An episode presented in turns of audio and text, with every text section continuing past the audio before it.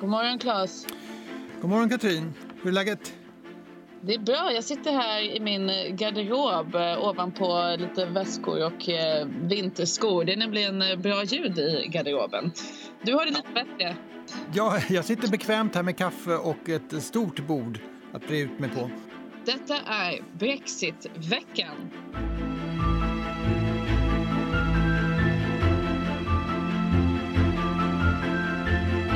Imorgon skulle det ha skett. Vid midnatt skulle Storbritannien ha lämnat EU och eh, så blir det nu alltså inte trots premiärminister Boris Johnsons löften om att han hellre skulle lägga sig och citat dö i ett dike slutcitat än skjuta upp Brexit ytterligare. Ja, det är otroligt fascinerande händelseutveckling. Nyval den 12 december. Varför blev det 12 december, Katrin? Ja, Boris Johnson vill ju ha ett nyval så snart som möjligt och eh, formalian kräver att det är minst fem veckors valkampanj och eh, ja, det blir tajt annars. Så att, eh, snarast möjliga val. Och sen var det en konststrid i parlamentet igår om det skulle bli den nionde eller den tolfte vilket väl säger en del om brittisk politik just nu att det är det man bråkar Man bråkar om allt, till och med tre dagars skillnad i när det ska hållas val. Och det ser ju bra ut för Tories i opinionsundersökningar, men det gjorde ju 2017 också. Det blev ju ett helt annat valresultat än man förväntade sig då. Ja precis, då räkna, uträknade man ju ut oppositionen och Jeremy Corbyn fullständigt och de låg väl som nu ungefär back med 10 till 16 procent eller någonting beroende på var man tittar och lyckades hämta in nästan hela det där försprånget i en dramatisk valrörelse och vann inte valet men det gjorde helt enkelt att Theresa May förlorade sin majoritet och mycket av dagens problem går att härleda till det att det inte finns någon tydlig konservativ majoritet i parlamentet. Um, så ja, det, allt kan hända helt enkelt. Det blir ett val strax innan jul, eh, vilket är ovanligt också här. Och alla, alla utvecklingar kan fortfarande ske. Det kan bli fortfarande ändå hård brexit, det kan bli avtal, det kan bli ny folkomröstning och det kan bli bara att det skjuts på framtiden. Ja, frågan är hur länge man kan fortsätta skjuta allting på framtiden. EU har ju Donald Tusk eh, EUs president eller presidenten i det europeiska rådet var ute och sa igår att den här uppskjutningen av Brexit till den 31 januari nog kan bli den sista så att EU verkar väl kanske tröttna. Så att det är klart att skulle det bli så att eh, det inte blir någon majoritet även efter valet i december. Det kan ju bli ett liknande läge som nu med någon form av eh, minoritetskonstruktion eller ingen, ingen tydligt varken åt det ena hållet eller det andra hållet, då måste man nog, tror jag, gå mot en folkomröstning för då finns det inget annat sätt att lösa det här. Och eh, jag har ju som du vet till en av dem som har sagt att det verkligen inte kommer bli någon folkomröstning men nu tror jag till och med att det alternativet faktiskt är, är öppet. Mm. Ja, nej men det har ju eh, hänt saker på världens börser i veckan också, eller hur Claes?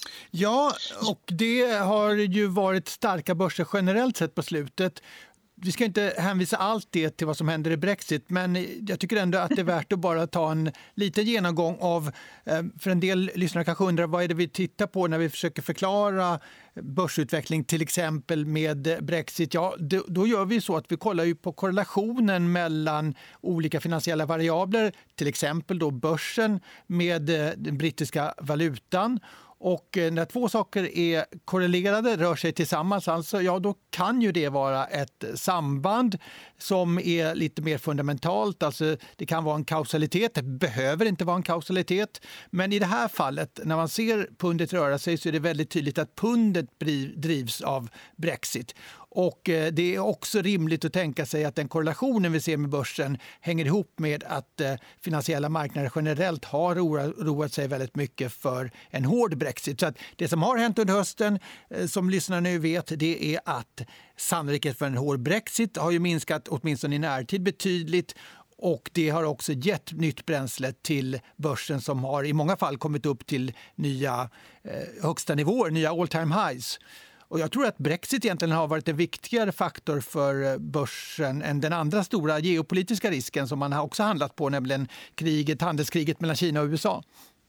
Varför tror du det? Brexit har ju potentiellt i alla fall på kort sikt större inverkan på framförallt den brittiska ekonomin men även den europeiska. Men det är också mer av en binär händelse om det skulle bli en hård brexit definitivt. Medan handelskriget mellan Kina och USA är lite luddigare, det är lite mer lågintensivt och eh, även om man får till ett avtal som man ju eh, skulle kunna tänka sig i alla fall i någon form så betyder inte det att handelskriget är definitivt över. Så det är lite svårare att ta på. Mm.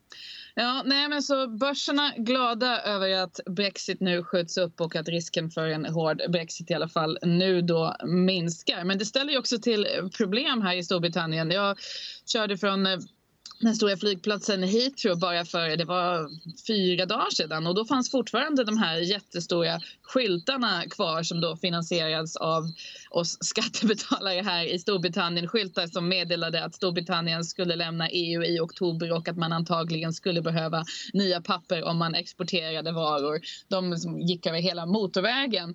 Eh, och de där skyltarna är ju nu inaktuella och eh, har tydligen plockats ner bara de senaste dagarna eftersom Storbritannien då inte ska lämna EU eh, nu i oktober i alla fall. Och det har också blivit ett problem för Bank of England. Jag vet inte om du har hört talas om hela soppan kring deras planerade brexitmynt? Ja, jag har hört lite om det. Ja, det var ju då på uppdrag av Finansdepartementet. Man skulle då, eh, vad säger man, säger inte trycka mynt, man skulle ja, producera 3 miljoner 50 pence mynt som då eh, var en speciell eh, Brexit edition som då skulle fira det här utträdet ur EU. Och tyvärr hade de här 3 miljoner 50 pence mynten då datumet den 31 oktober på sig.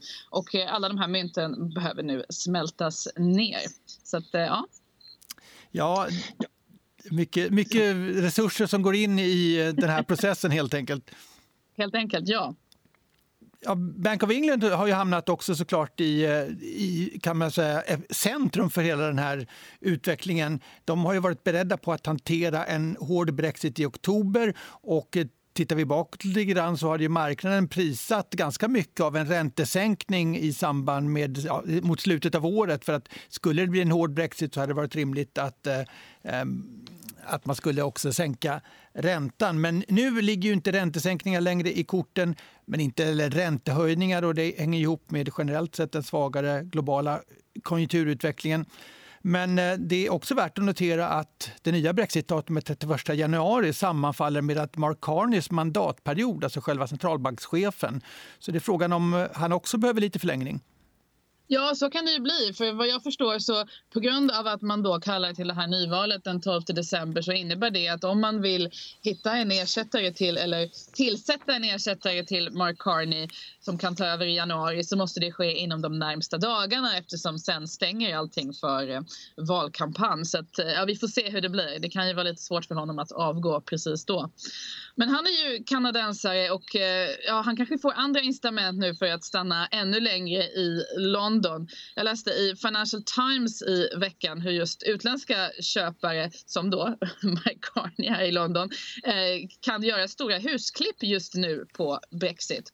Londons bostadsmarknad är ju speciell eftersom den är så extremt internationell.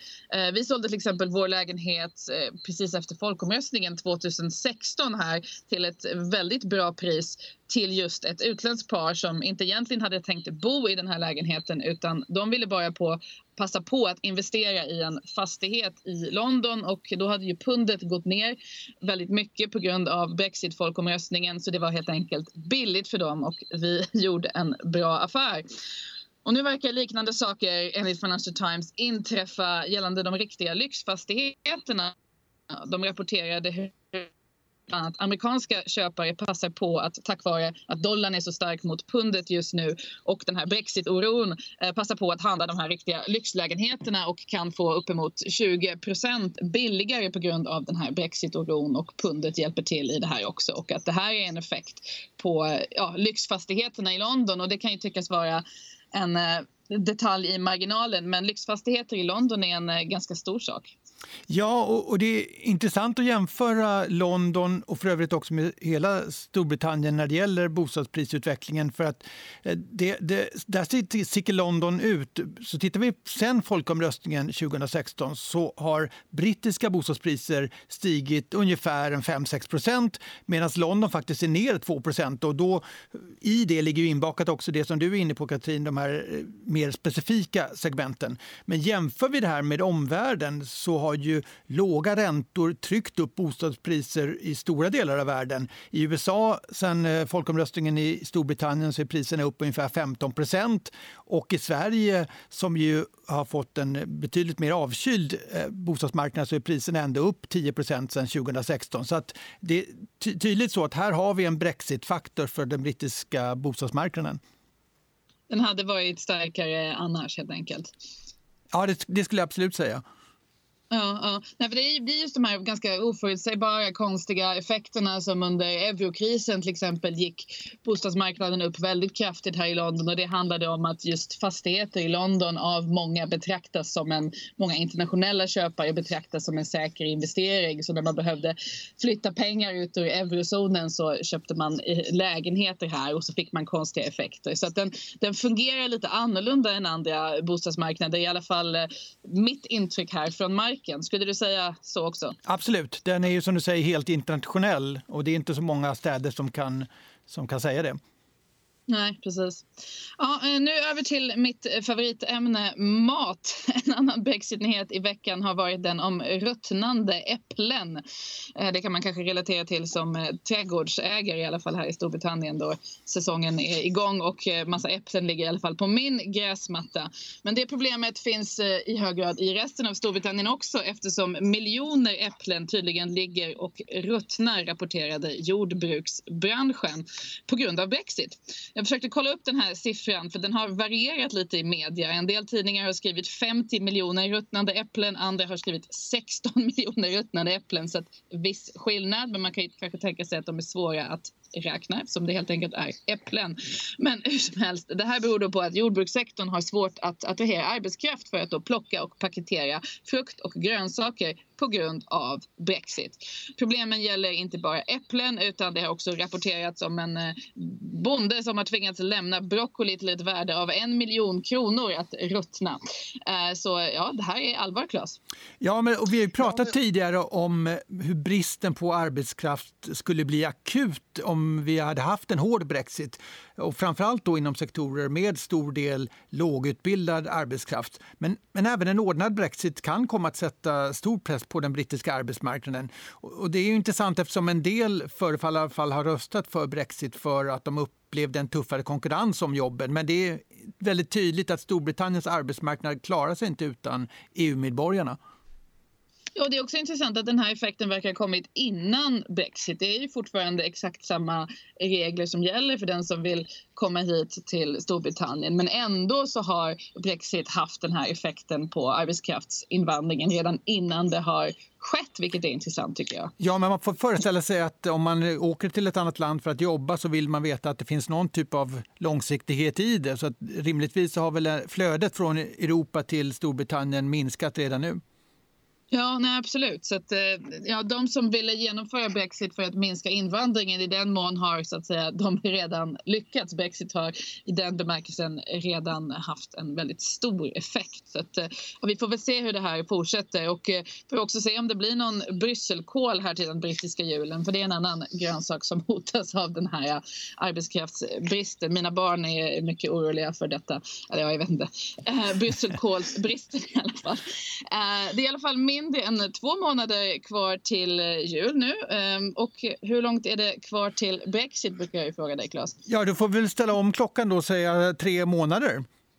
Ja, precis. Vi får se. Jag vet inte om Bank of England vågar skriva 31 januari på några nya brexitmynt eller om de helt enkelt avvaktar. Det vore kanske klokt kan man tänka sig. För det är som sagt mycket som kan hända med det här nyvalet och den här uppskjutningen av brexit som Storbritannien nu har fått av EU. Den säger också att Storbritannien faktiskt kan lämna innan den 31 januari om det nu är så att brexitavtalet går igenom. Så att svårt att räkna. Vad som är lättare att räkna till det är i alla fall antalet dagar tills Brexitveckan är tillbaka. Sju dagar och eh, det blir garanterat inte uppskjutet. Eller vad säger du Claes? Det ska vi lyckas med. Jag heter Katrin Massal. Och jag heter Claes Molén.